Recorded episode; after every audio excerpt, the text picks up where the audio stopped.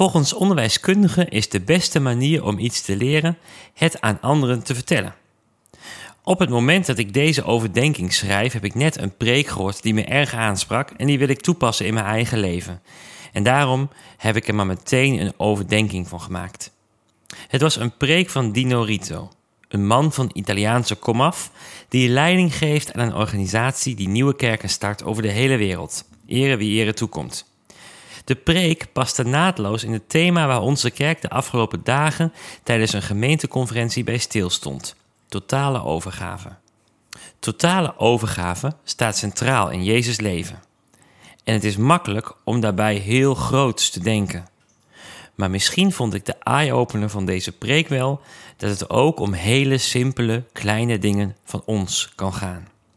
Om dit te illustreren neem ik u mee naar de heuvels van Galilea, waar Jezus net drie lange dagen onder de mensen was. En waar hij vol bewogenheid de zieken genas, de kreupelen weer liet lopen en de blinden weer liet zien. Na deze drie dagen van wonderen is er klaarblijkelijk een einde gekomen aan deze bediening op deze plek op dit moment. En dan zijn we aangekomen in een verhaal dat we waarschijnlijk wel kennen. Het verhaal van de vijf broden en de twee vissen. Dat Jezus van zo'n klein beetje voedsel een hele menigte kan voeden, is zoals we het verhaal leren als kind. En daar is niets mis mee. Sterker nog, dat is geweldig. Net als de bewogenheid van Jezus om de mensen niet zonder voedsel naar huis te sturen, omdat ze dan wel eens onwel zouden kunnen worden. Maar het nieuwe dat ik in deze geschiedenis nu leerde, was dat Jezus de discipelen vroeg het beschikbare voedsel op te sporen en het ook aan hen teruggaf om het uit te delen nadat hij het gezegend had. Jezus had natuurlijk gewoon door zijn woord het hongergevoel bij de mensen weg kunnen nemen. Een simpel honger wees gestild zou genoeg kunnen zijn.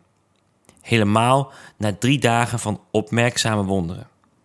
Maar klaarblijkelijk wil Jezus ons hier iets leren. Ik heb er twee dingen van geleerd. Als eerste, Jezus gebruikt zijn discipelen in zijn werk om de honger in mensen te stillen. Zo wil hij ook u en mij gebruiken om de geestelijke honger in de wereld te stillen. Hij zou het ook zonder ons kunnen, maar hij kiest ervoor om onze overgave aan zijn werk te vragen.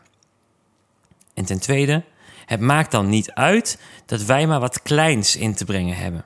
Hij zegent het en vermenigvuldigt het, zonder ons van de verantwoordelijkheid te ontslaan om ook zelf ons steentje weer bij te dragen aan zijn werk. Totale overgave. Het kan ook bij iets heel kleins beginnen. Maar wat een voorrecht dat dat kleine meetelt en dat we daarmee ook zelf deel mogen zijn van Gods werk.